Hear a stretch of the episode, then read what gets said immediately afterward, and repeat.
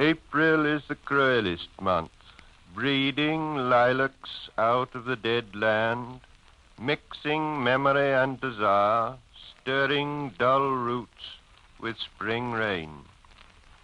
Winter kept us warm, covering earth in forgetful snow, feeding a little life with dried tubers. Summer surprised us. Við heyrum hér T.S. Eliot lesa upphafslínur Eðilandsins eða The Wasteland sem kom út á bók í desember árið 1922. Þetta ár óróleika og nýsköpunar í vestræni bómyndarlífi sem er umfjöldunarefni þessara þáttaræðar. Eðilandi er ekki langkvæði aðeins 434 línur sem komast fyrir á um það byl 15 blaðsíðum eða svo og raunar þótti Eliot það svo stutt þegar það var komið á bók að hann bætti við það skýringargreinum sem prentaðar voru með ljóðinu. Og kannski veit ekki af, því að Eðilandi hefur valdið lesendum heilabrótum alveg frá því það kom fyrst á prent. Stundum hefur það verið sagt varpa ljósi á nabara heimsín árana eftir fyrri heimstýröld, en það hefur líka verið sagt endurspegla personulega sálar og trúarkreppu skálsins sjálfs. En umfram allt hefur Eðilandi verið talið eitt af mikilvægastur ljóðum 20. aldarinnar og höfuð verk í mótinískum skálskap.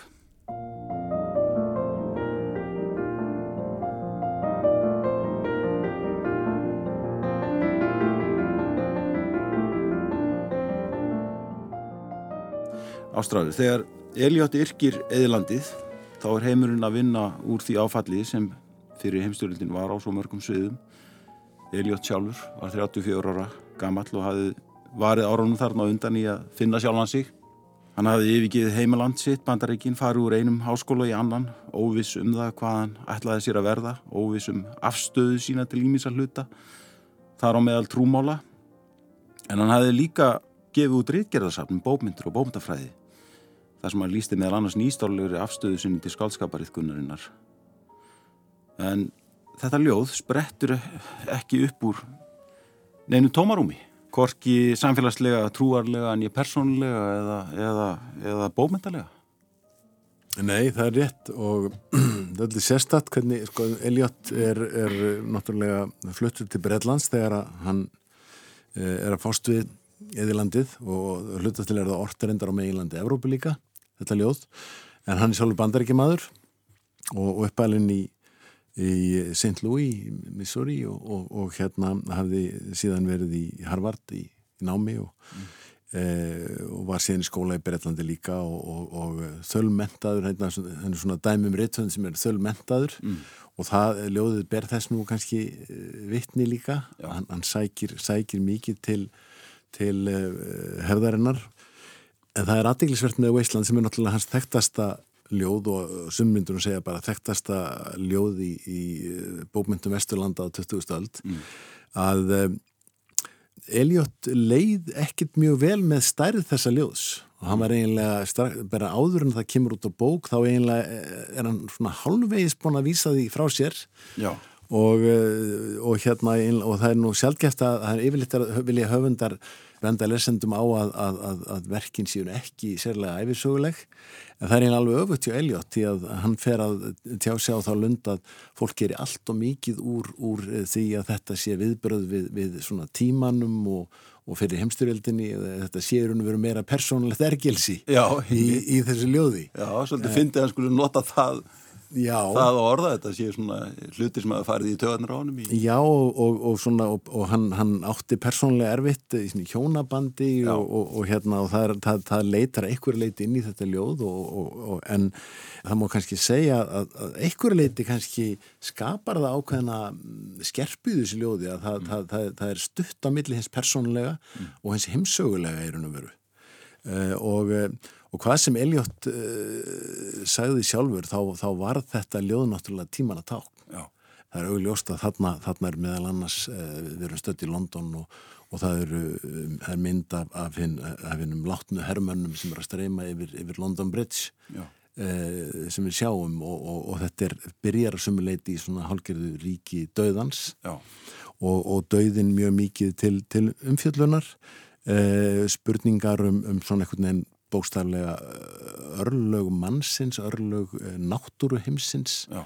þetta eru risastóra spurningar á, á bakvið þetta ljóð mm.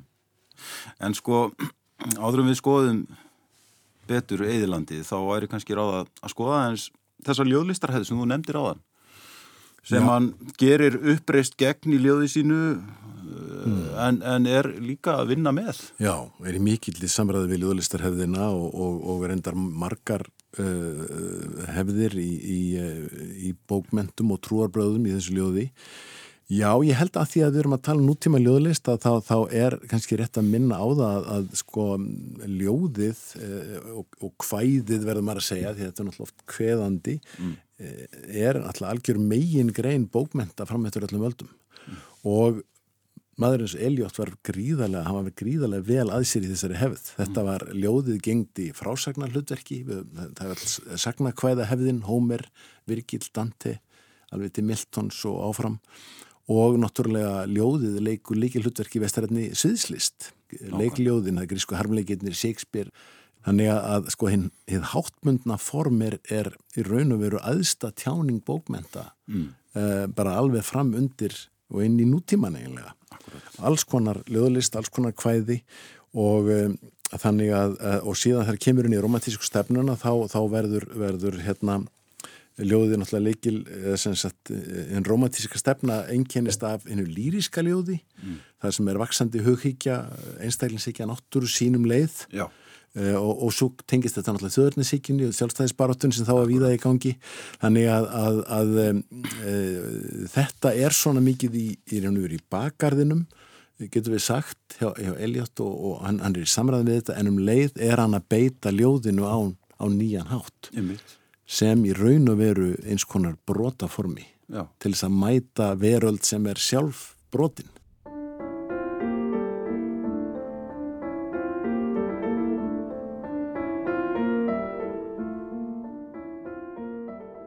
Egil Helgarsson, velkomin í þáttin.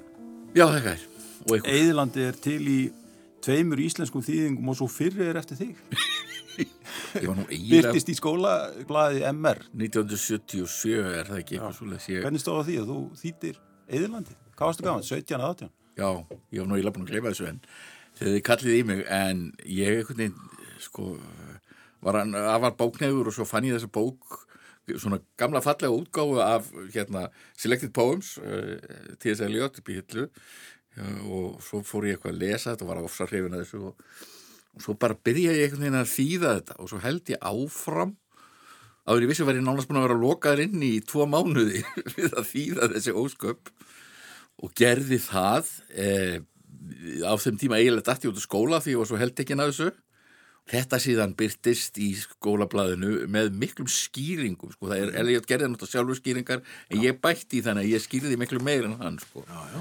Svo náttúrulega ber ekki þess að ég, þú veist, sumleiti er þetta bara eins og að við hérna revju upp sko íþórtarleiki í þriðjaflokki pilda á Íslandsmótunum, Reykjavíkumótunum 1977 sko því að það er ekki þetta að bera þessa þýðingu saman við það sem Sverre Holmarsson síðar gerir, hann er alltaf maður sem er lærður í bókmyndum og, og ég, þú veist, þýði þetta svona stafri eftir nokkuð Pappi Helgi Guðmundsson hjálpaði mér nú með sömt það eru fína lausnir hann á sömstaðar og sömt hljómar hans en ég kunni eiginlega ekkert í brakfræði eða svoleiði sko og, og svo er einstakar eh, staðir sem þetta fer algjörlega til móa sko og ég þýði sko lælags þarna sem liljur sko mm. Kristján Átnarsson var alltaf að stríða með með þessu ég hitt hann og fyllir í hérna unnur í bæ nú lælags ekki liljur en það er enda með erfitt að finna orð fyrir lælags á íslensku almennlegt orð En hvað var það sem að dróði þig svona að þessu, fennst svona þegar þú hugsa að því að mér finnst aðtýrlislega hvernig þú lýsir þessu þú, þú virk, þetta kallar á þig og þú ferð að glíma við þetta. Mér finnst þetta bara æðislegu texti og þetta fallin mm. bók og svona snjáð þessi hérna enska klassiska útgafa af þessu og það er bara eitthvað sem soga minni í þennan texta en þetta sko þessi tegund af móterisma þessi mm. tími móterisman hefur eitthvað er mín inneganga í mm. heimsbókmyndunar ég hef alltaf mm. verið svo upptekinn af þessum tíma og, og þú komaði náttúrulega þýðir að fjallum Júlisis mm. svo kemur Kafka og, og hjá mér og það kemur og svo þessir hérna Prúst mm. og all, all þessi sko, all þessi sköpun mm. og þetta er náttúrulega alltaf við nýð þungt mm. en Svo má kannski segja að þessi þýðing hafi orðið verið ofsarlegu skóli því að hann fer svo vitt og breyta þú veist, svo þurfti ég að vera að fletta upp í öllu þú veist, hveðskap frá Elisabeth tímanum mm. í Baudelaire uh, í Dante í allir þessari grálfræðum sem eru þarna. og frjósimis pælingunum öllum. Og það er bara, ég var bara að bísnaði sko vel að mér um margar hluti bara eftir að hafa farið í gegnum já, þetta sko. Já. og svona, það var svolítið ávið bara bókmyndanám það er svo merkilegt með þetta verka það var oft búið að tala um og ég vil að fara inn að íta á ákveðina eitthvað skáld að fara nú að þýða þetta. Jú, jú. hann er Sigfússon og Magnús Áskísson og það var búið að tala þessum menn og reyna að koma þeim í gang. En þetta, þetta bara gerir það, gerir þetta sko, svo er, svo er verið að þýða svona svolítið part úr þessu. Jú, Helgi Halldónarsson þýðir bara svona stu, stuttan part.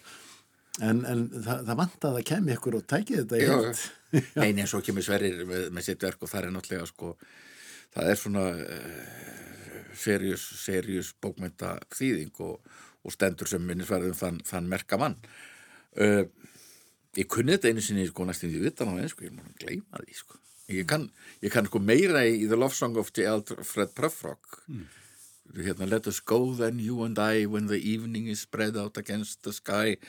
Like a patient ether rised up on a table Let us go through certain half deserted streets the muttering retreats streets that follow like a tedious argument of insidious intent to bring you to an overwhelming question. Oh, do not ask what is it. Let us go and make our visit. In the room the women come and go, talking of Michelangelo.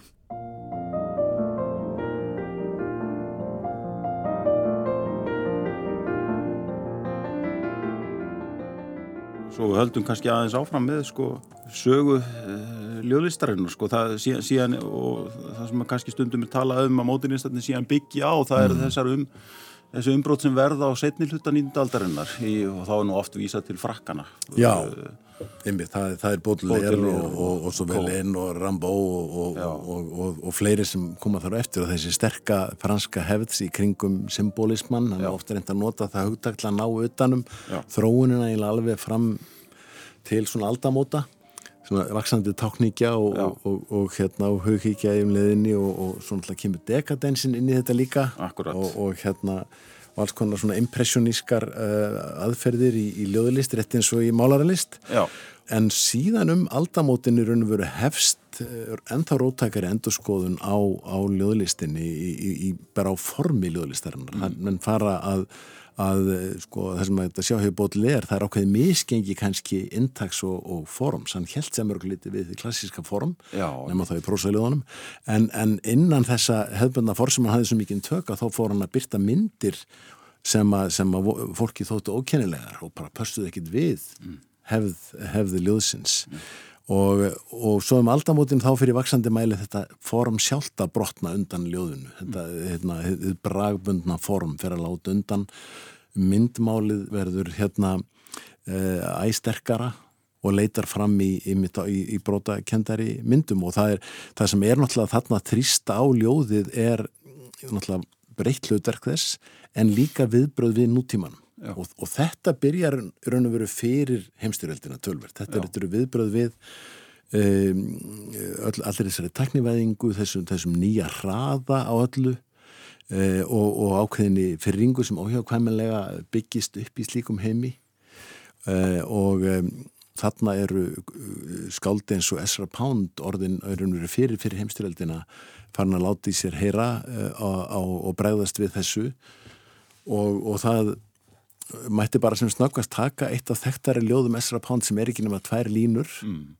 uh, en er einmitt beiglega beint úr þessum nútíma það uh, heitir uh, In a Station of the Metro mm. og í, í þýðingu Kristins Björnssonar á neðangerðarstöð og það er einfallega svona sveipmynd þessara andlita í mannþrönginni blómblöð á votri svartri grein einmitt svona texti kom mörgum mjög óvart mm. átti maður að setja upp í bara með þessar tvær línur en mm. þær eru náttúrulega alltaf krökkar Já. þarna eru við á neðjaraðstöðinni fullt af fólki og svo kemur þessi náttúrumynd svona næstum eins og áreikstur Já. inn í nútíman og, og, og, og lesendur eða, eða, eða heyrendur uh, verða í raun og vera fylla upp í þessa mynd Já. taka þátt í að búa hana til einmitt. þetta uh, er verður svona einlega vaksandi einkenna nútímilögulistinni og svo sannarlega megin einkenni á, uh, á þessu verki Eliots, The Wasteland eða Eðilandið. mann verður hugsað til fúturistana ítölsku sem að líka verður lenda í svona ákveðnum árekstri við sinn samtíma og, Já, já, og, og gera uppreist gegn hefðinni og vildu í raun og veru bara leggja hana í rúst þannig séð. og það eru líka fúturistar í, í Rúslandi sem að sem að gera svipað uppreist gegn hefðinni og, og, og þar þróast nú an- ansi fornileg ljóðlist og- fram á þriðja ára tíu Alveg rétt sko. Og það var byrjaði líka fyrir, heimströldinni á báðum stöðum og, og sumir þessar fúturista vildu raun og veru algjörlega uh, bara kollsteipa þessari miklu hefð sem ég var að tala hérna um áðan og bara uh, segja nei, nú byrjum við upp á nýtt.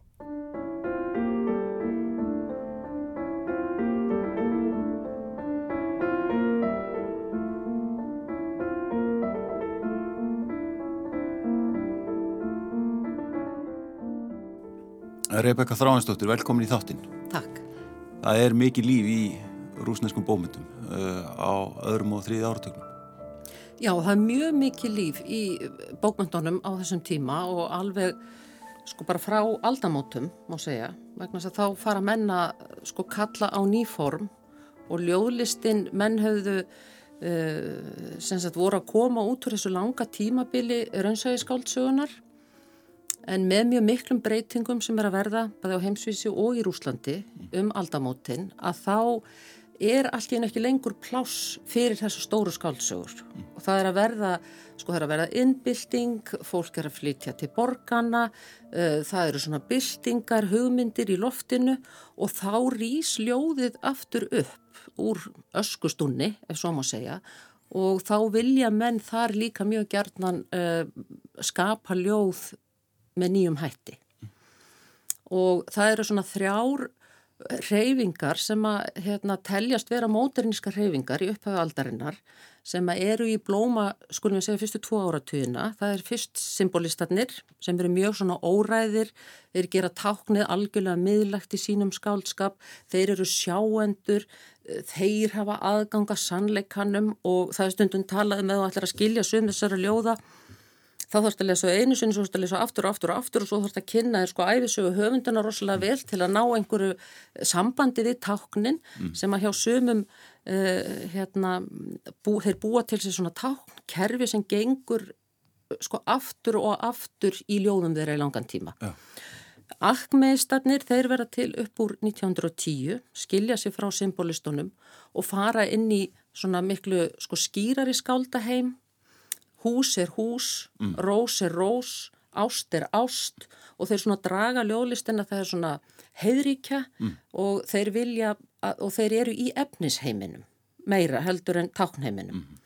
En síðan koma fúturistarnir koma inn með gríðarlega miklum krafti upp úr 1910 og þeirra frægasta yfirlýsing uh, sem að þeir skrifa uh, árið 1912 og heitir almennum smekk gefið á kjaftin vegna þess að þeir segja ok, ef það er verið að skapa hérna nýjan heim og það eru allir farnir að finna það á sér að það er eitthvað stórkoslegt í aðsýð, svo kemur heimsturjöldin fyrir, svo kemur byltingin ef að allt er að breytast og við ætlum að byggja hérna einhvers konar nýjan heim, akkur er ljóðin þá eins og þau voru?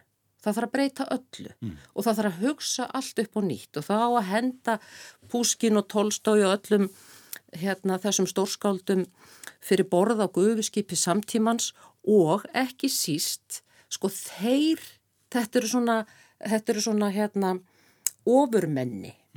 Þetta er sem sagt, þeir hérna vitalt, þeir ætla að segja okkur hvernig þetta á að vera og þeir taka sér leiði til þess að nota tungumálið eins og þeim sínist og þeir fara gríðarlega mikið í uh, orðaleiki, bullmál, hérna, búa til ný orð og sagt, hérna, fagurfræðin hún er öll til sveita og en sko borgin hún verður og ljótleiki borgarinnar verður sko þeirra tungumál og þeir setja fram gríðarlega sko nýstárlegar myndir og myndlíkingar. Mm. og hérna brjóta tungumálið allt upp, setja ljóðin fram með algjörlega nýjum hætti, bara grafíst og hérna hluti af þeirra framgöngu var sá að ljóðið og áherandin eru sem sagt óaðskiljanleg eining. Mm og þetta kemur fram í því hvernig þeir flytja ljóð. Eh, þeir eru ruttarlegir og kannski mesta skáldið þessum, í þessum hópi það er Vladimir Majakovski sem er Íslendingum mörgum kunnur vegna mjög fýtna þýðinga Geis Kristjánssonar. Hann var mjög ötull þýðandi Majakovskis og byrtir mjög mikið af þýðingum á hans hljóðum upp á 1950 en sko hann er, hann er meiri í nýjirðasmiði, eh, setja fram nýjar myndlikingar og svona mjög augrandi nútíminn í frettir og ýmslega sem er að gerast í sam, samtímanum, það bara ratar beintin í ljóðin, erlendar frettir og, og svo framvegis.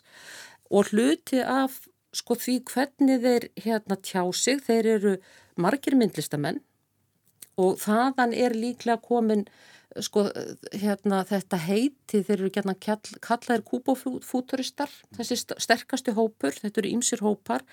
Þeir eru myndlistamenn margir og um, þeir koma fram, þeir nota svona epatage sem er framkoma á skáldakvöldum og upplöstrum, þeir gera mjög mikið af því.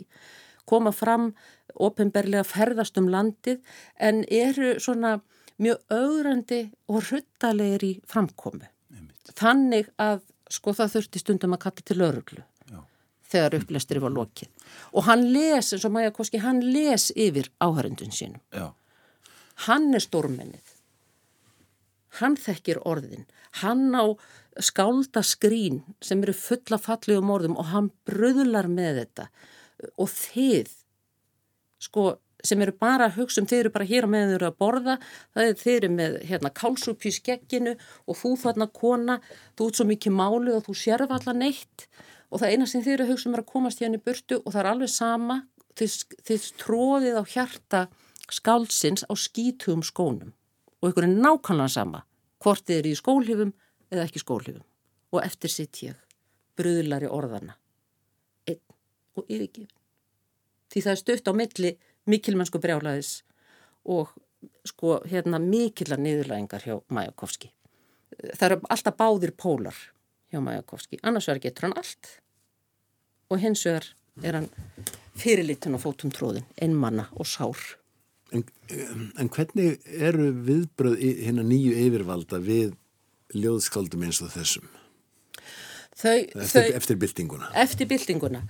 Eh, þetta er svona látið óáreitt mm. en uh, það kemur um fljótlega í ljós að, að uh, til dæmis Lenin og Trotski þetta eru, þetta eru menn sem eru aldrei upp á klassískum bókmyndum og þeir svona, já, horfa fram hjá þessu en vilja, svona til að byrja með, en vilja mjög gjarnan að klassískum skáldskap sé haldið að þeim sérstaklega sem að ætla að leggja fyrir sig hérna skáldskap og Lenin var til dæmis miklu hrifnar af Púskin heldur en Majakovski.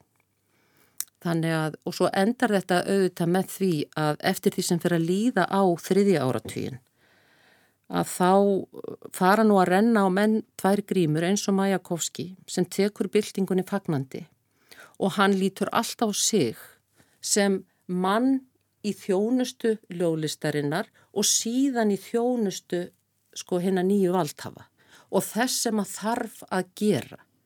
Og hann til dæmis í ljóði uh, hérna, sem er samið, nú manni ekki hvort að 1920 og 22 sem heitir sérkynlegt Atvik sem að uh, Majakovski var fyrir í sumarhúsinu að þá jafnar hann sjálfum sér við sólina.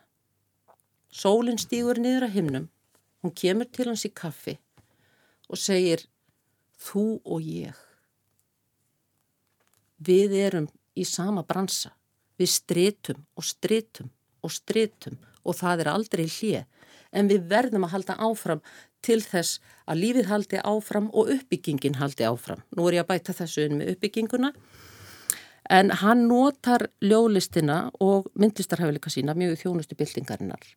en smám saman þá fer svona fjúka í flest skjól og hann auðvitað sko eldist og, og hérna fer úr tísku og svona, þú veist, eftir 1925 þá er ekki mikil eftirspurn eftir sko móternískum tilneyingum í skálskap og allur skálskapur hvort sem það er ljóðlist eða hérna prósi, hann á að þjóna öregunum og hann á að þjóna hennu nýja samfélagi og hérna mjög svona sterk innihaldskrafa og þetta reyndist þessum framsæknari skáldum, bæði ljóðskáldum og hérna smásagnahöfundum sem voru mjög margir, alveg gríðarlega erfitt og þeir eru, þeir hverfa bara hver af öðrum af sjónasviðinu eftir 1925 og fram til 1930. Akhmatova, stórkostlega ljóðskáld, hún er komin í barn fljótlega eftir byltingu, fær ekkit útgefið. Þannig að þetta áttu nú eftir að reynast mönnum alveg gríðarlega erfitt og hérna það var nú sagt um Majakovski sem var svona nautnamaður og myndlistamaður vinnur hann sem sagði um hann eftir að Majakovski var fallin frá hans viftis í lífi árið 1930. Þetta var virkilega sko mikil, þetta var svona tilfinningabúnt og hann sagði sko hvernig haldið þetta hafi verið fyrir mennin sem Majakovski það var hérna á tímabil eftir 1920 þá voru búðir fullar af sko svona eh, delikatessen svo allt í hennu gerist ekkit að það er allar hillar tómar það bara húkir í hillu einn sko niðursuðu dós með nautatungu mm. mennin sem Majakovski þeir gátt ekki þólað þetta en hann svifti sér lífi hver sem ástafan var. Hvort það var ástasorg, fullkomin vonbreyði með það sem að gerst hafiði en þarna um 1930 þá er niðurbrotið orðið algjört og svona eiginlega bara hálfgerð skjelving framundan fyrir marga.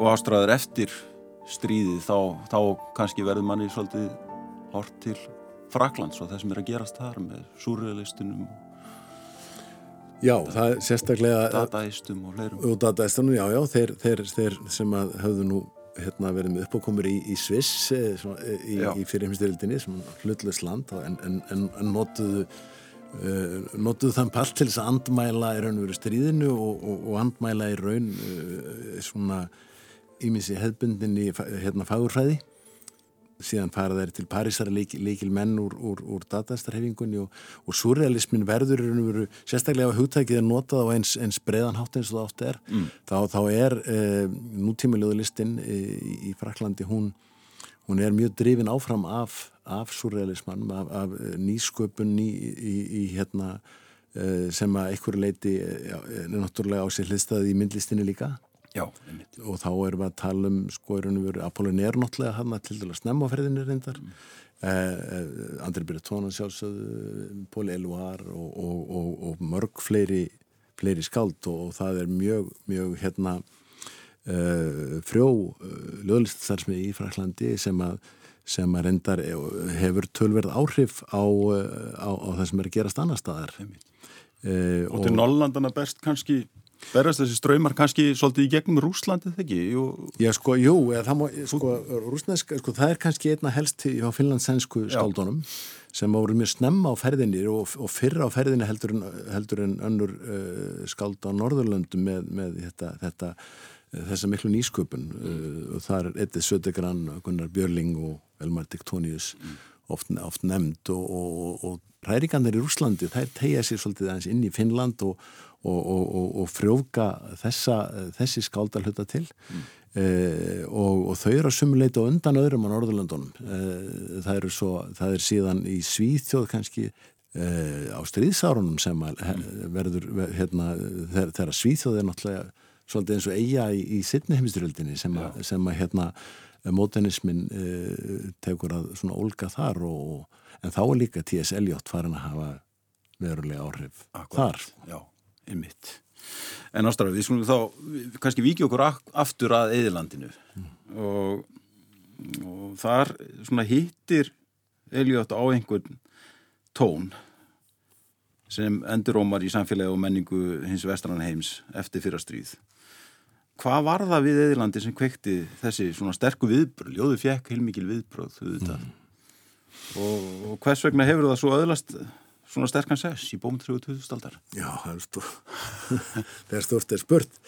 Um, og Eðilandið, uh, ég nefndi nú áðan að Elliot, um, þetta, er, þetta er alveg einstaklega ljóð á hans ferli og hann, hann að sumuleiti fjarlæðist það mm. uh, í, í því sem hann átti þetta að gera síðar Eh, og, og, og vildi raun og veru ekki einblýnað um ofa þetta ljóð en það er alveg ljóst að þetta ljóð er lang áhrifamest af, af öllum hans öllum hans skáldskap. Mm. og það sem er alltaf sérstat við að, að, að, að það er nokkuð ljóst að það hefði ekki eh, haft þessi miklu áhrif ef að ef að Elliot hefði ekki verið með frábæran rittstjóra sem er Ezra Pound. E, því að þó að það séu náttúrulega margt erið príðilegt í, í, í hennu upprunalega ljóði eins og Elliot skrifaði það þá var það uh, þunglamalegra mm. og svolítið orðmart mm. uh, og, og það sem að gerist þegar Ezra Pound sem var feikilega klár maður sem, sem og, og, og náttúrulega frægur fyrir ráðgjöf og rítstjórn fyrir utan það að vera náttúrulega stórkvæmslegt skáld sjálfur að hann, hann fer ofan í ljóðið fyrir Eliott og hann sker burt vissa partiða ráðlegur Eliott að skera burt vissa línur mm. eh, og, og ljóðið fær eh, kraft og snerpu mm. sem að eh, liftir því og, og það er einnig mjög mikilvægt vegna þess að hugmyndalega er ljóðið að mörgleita svolítið þungt það er drekk hlaðið af vísunum mm. í, í, í hefðir þarna eru Dante og Shakespeare og Eh, Hispania tekstarnir hérna frá hindúum uh, það, er, er bútismin eh, og, og, og það, það er alls konar tekstar úr hefðinni sem verður að vinna með. Já. og láta og, og þeir eru verið að renna saman e, e, eða flæða fram einhvern veginn á á, um, á bísnaróttakanhátt mm. þetta verða svona brot og það kemur ljóð sko að, að, að ljóðir sjálf ekki að leina því það er brotasamt að beinlínis uh, og hérna Eh, kemur fram strax í upphafi að, að það sé verið að glýma við brotasafn. Mm. og, og þannig að, að, að lesandin þarf sjálfur einhvern veginn að ganga inn í þann heim, býtu, já ég, ég fæ ekkit neina skýra leðsögn hérna, ég verða að reyna að átta mig á því hvert ég er að fara. Mm. uh, og uh, einhverju leiti hjálpa þessar skýringar en oft er hann bara að vísa þarna á hvað hann nýtir sér. Uh, og, og þetta er eh, mikil heimsmyndapæling Já. og hérna Elliot var mentaður í, sjálfur í, í sko, eh, eh, bæði í svona samanbyrðabókmentum en einni í heimsbyggi og í raun og veru svona mannfræði. Og, og það eru tilturlega nýleg verk sem hafðu mikil áhrif á hann þegar hann er að skrifa Wasteland, það, það, er, það er bók eftir, eftir Jessie Weston merkafræði konu, bók sem heitir From Ritual to Romance og svo fræga uh, hérna ritt James Fraser, The Golden Bow uh, þannig að þetta eru verk sem veru meðal annars um, um frjósemistyrkun, um, um, um gralin um svona uh, ritualískar hefðir sem að, sem að lúta að einhvern veginn næringu jarðarinnar gróðurins, gróðursins. Mm hvernig maðurinn einhvern veginn nær að, að, hérna, að örfast og, og, og eflast af náttúrunni en líka af andanum. Mm. Þessi tengsl hins, hins líkamlega og, og hins andlega sem hann alltaf brunnu mjög á Elliot Já.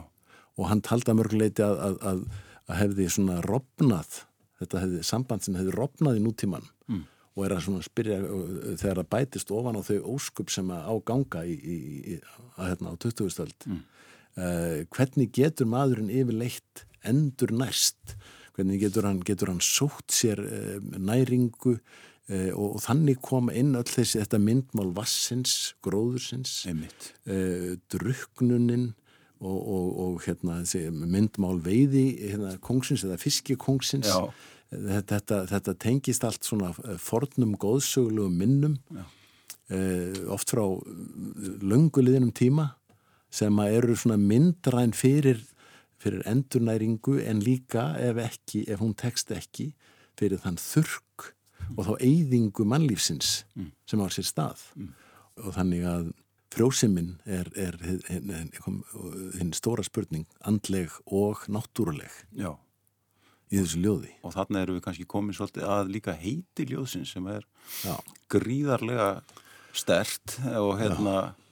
Hefur auðvitað einhverja uh, vísun til svona þeirra eðileggingar sem hefði átt sér stað í stríðinu auðvitað?